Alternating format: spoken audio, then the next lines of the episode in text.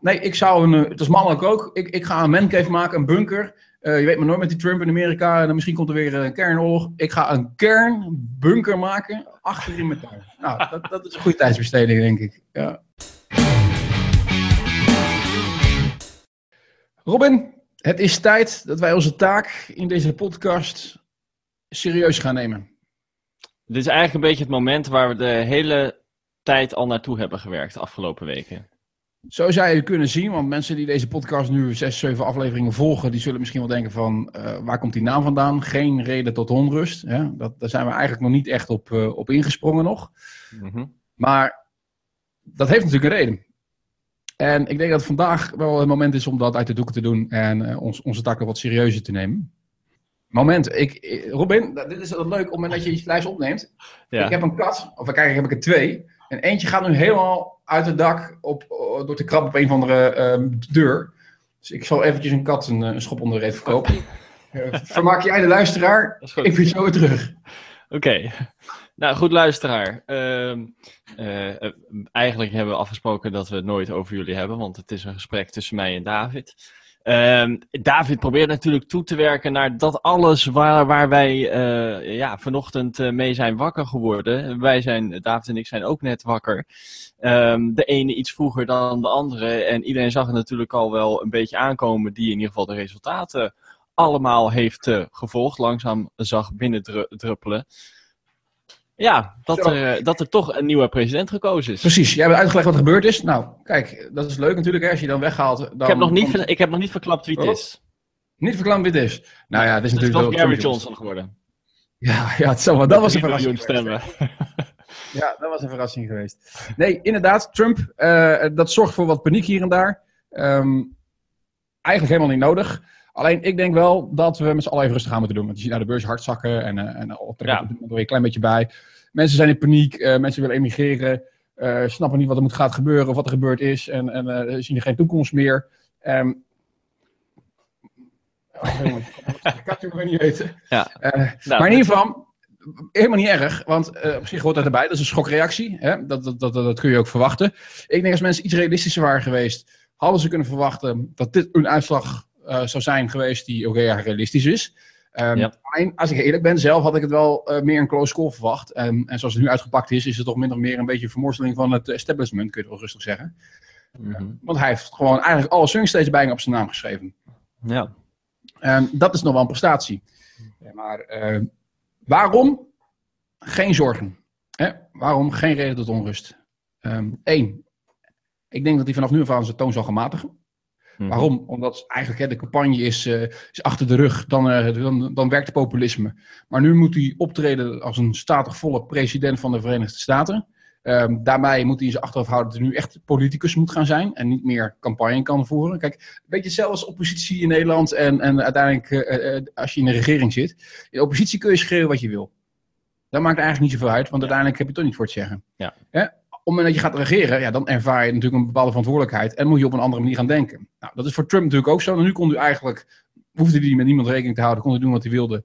En uh, uh, zeggen wat hij wilde. En, en het mooie aan Trump, kun je zeggen van, nou, je weet in ieder geval wat je aan hem hebt. Want iedereen heeft bepaalde gedachten. Ook Clinton en, of andere politici. Alleen die spreken ze niet uit. Hij is zo dom genoeg om in ieder geval alles te roepen. Maar dan weet je in ieder geval wat je aan de man hebt. Of dat positief is zijn voordeel, ja of nee, dat weet je natuurlijk niet. Hè? In dit geval denk ik niet. Maar je begrijpt wat ik bedoel. Uh, um, het is niet zo dat als hij zegt van uh, we moeten af van die rotmexicanen, dat Clinton dat nooit gedacht heeft. Die zal het nooit zeggen, want dat is apo apolitiek correct. Alleen die zal het misschien wel een keer gedacht hebben. Weet je, dus je weet waar je aan hebt. Maar dat kan hij nu niet meer doen. Hij heeft een, uh, een congres om rekening mee te houden. Dat zit vol met democraten die hem haten. Dat zit vol met republikeinen die hem grotendeels niet mogen. Dus al zijn rare plannen die hij heeft, die zal natuurlijk in een uh, enorm ander sausje moeten gaan gieten. Wil hij dat ooit goedgekeurd gaan krijgen door het congres? Dus... Toch, toch. Eh, ik bedoel, ik, ik begrijp dat dit het doel, het doel is. Ah, oké, laten we wel wezen. Deze podcast hebben we niet opgericht alleen voor de Amerikaanse verkiezingen. Ja, uh, we hebben dit er nu even bij verzonnen. Maar wij proberen in deze aflevering in ieder geval een beetje iedereen tot rust, tot bedaren te brengen, wil ik toch een beetje advocaat van de duivel spelen. Mag jij degene zijn die iedereen uh, tot rust maand? En dan zal ik even advocaat van de duivel zijn. Donald Trump heeft in de afgelopen weken en maanden natuurlijk wel dingen gezegd waarvan mijn nekhaar in ieder geval een beetje overeind gaan staan. Zoals bijvoorbeeld het in twijfel trekken van het nut van de NAVO. Of, uh, nou ja, goed, uh, het willen zijn van vriendjes met, met Poetin. Of in ieder geval daar niet negatief tegenover staan. Een minder negatieve houding tegenover zo'n, ja, toch wel bijzondere man als, als Poetin. Ja. Ehm, waarom moet, is, is het niet zo dat hij nogal, ja, controversiële uh, misschien wel controversiële dingen gaat doen. Of dat nou een positieve of negatieve uitkomt. Ja. kijk, eh, het zal zeer zeker geen standaard president zijn, hè, zoals we hiervoor hebben gehad. Hè, of dat je misschien met Clinton had gehad. Dus, uh, natuurlijk zullen er nog steeds rare dingen plaatsvinden, maar zijn het excessen ja of nee? in de zin van, heeft het heel ernstige gevolgen? Ik denk dat dat nog wel eens mee zal vallen. Omdat de echt belangrijke dingen, daar gaat hij niet zelf over. Dus een derde wereldoorlog, dat zie jij nog niet Deze man kan niet in zijn eentje een hele koers van land bepalen. Dat is echt een, een ridicule gedachte op het moment dat je dat nog gelooft. Dat is helemaal niet waar. Eh, maar, maar, ik wil eigenlijk, ik, want ik ben helemaal geen voorstander van Trump hoor. Ik vind het natuurlijk een, rare man met rare ideeën. Laten we het voorop stellen. Ik was ook geen fan van Clinton. Alleen waarom vond ik het toch leuk dat als Trump zou winnen? Het komt gewoon puur omdat het een dikke middelvinger is naar de, geze eh, de gezedelde orde, zeg maar. Eh, politiek werkt niet meer zoals de afgelopen eh, jaren heeft gewerkt, zeg maar. De afgelopen 50, maar moeten wij dat wel willen? willen moeten we wel alles gewoon uh, het baby, de baby met het badwater weg willen gooien en alles. Nee, maar zo extreem zal het nooit zijn. Alleen dit is wel een enorm signaal. En dit is niet hetgeen wat alleen in Amerika gebeurt. Dat zie je ook in Nederland. Hier hebben we ook een, een man met blond haar uh, die de meest rare, ridicule dingen schreeuwt in het parlement. En daar ook heel veel stemmen mee trekt. Sterker nog, we kunnen daar heel raar over praten. Maar dit is wel een man die ook in onze eigen regering heeft gezeten. Vergeet dat niet, hè? Want bedoel, uh, hij heeft min of meer met zijn schaduwpolitiek uh, de eerste kabinetten van Rutte natuurlijk gesteund. Uh, dus nu doen we allemaal heel raar kijken naar Amerika. Maar in Nederland gebeurt iets hetzelfde. Als we kijken naar Brexit, exact hetzelfde. Het is een stem van mensen, niet per definitie tegen Brexit of voor een Trump, maar wel uh, tegen de huidige politiek. Mensen voelen zich niet meer serieus genomen. Die, die, die snappen dat politici gewoon de boel bij elkaar liggen om uiteindelijk een plekje te krijgen. En als ze er eenmaal zitten, doen ze toch wat ze zelf willen. Uh, en, dat is een knop die om moet. Ik denk dat, dat politici nu echt moeten gaan denken van oké, als we nog politiek willen gaan bedrijven en we willen de massa achter ons krijgen, uh, dan moeten we dat op een andere manier gaan doen. En of dat dan nou een manier is om de meest rare dingen te schrijven, zoals Trump heeft gedaan, dat is natuurlijk de vraag. Uiteindelijk zul je zien dat dat uh, ook niet gaat werken, omdat Trump afgerekend gaat worden straks op alle dingen die hij gezegd heeft.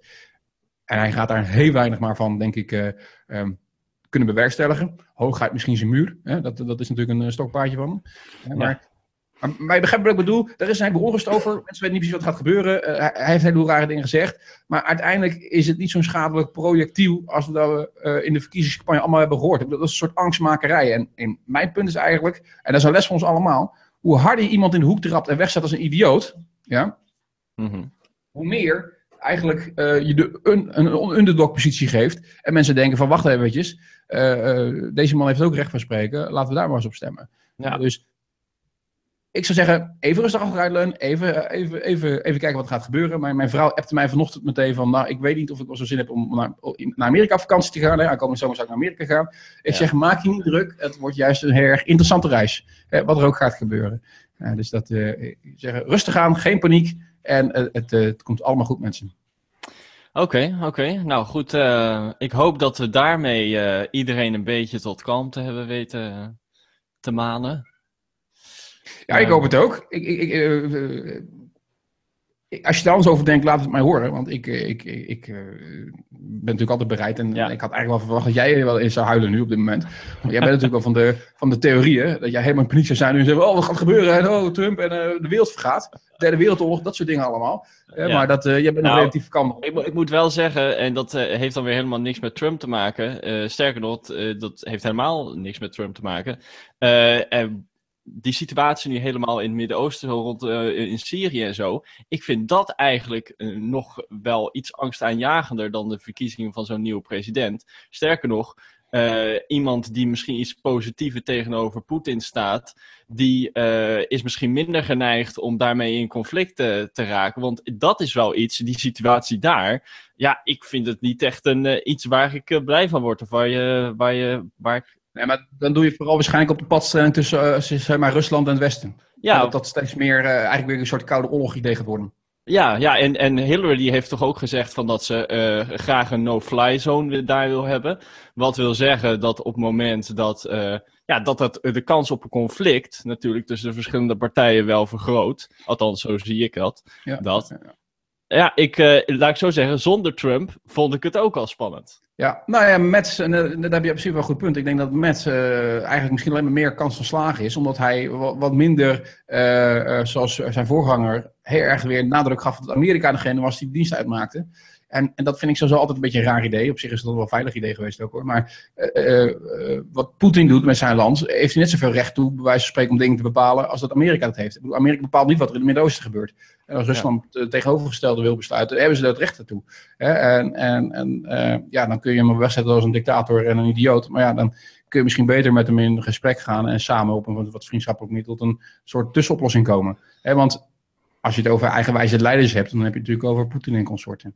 Eh, maar, uh, ah ja, hey, um, laten we ons niet, uh, niet te veel de zorgen over maken. Ja. Het komt allemaal goed. Het is interessant. We kunnen het blijven volgen en af en toe misschien een keertje bespreken.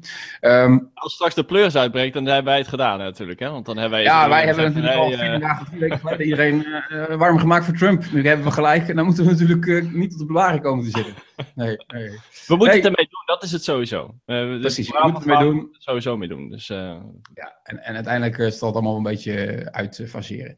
hey, random vraag even iets heet totaal anders. Ehm, ik weet niet hoe druk jij bent, maar ik, uh, ik ben over het algemeen niet al te druk. Maar stel, in plaats van 24 uur in een dag, krijg jij per dag 5 uur extra.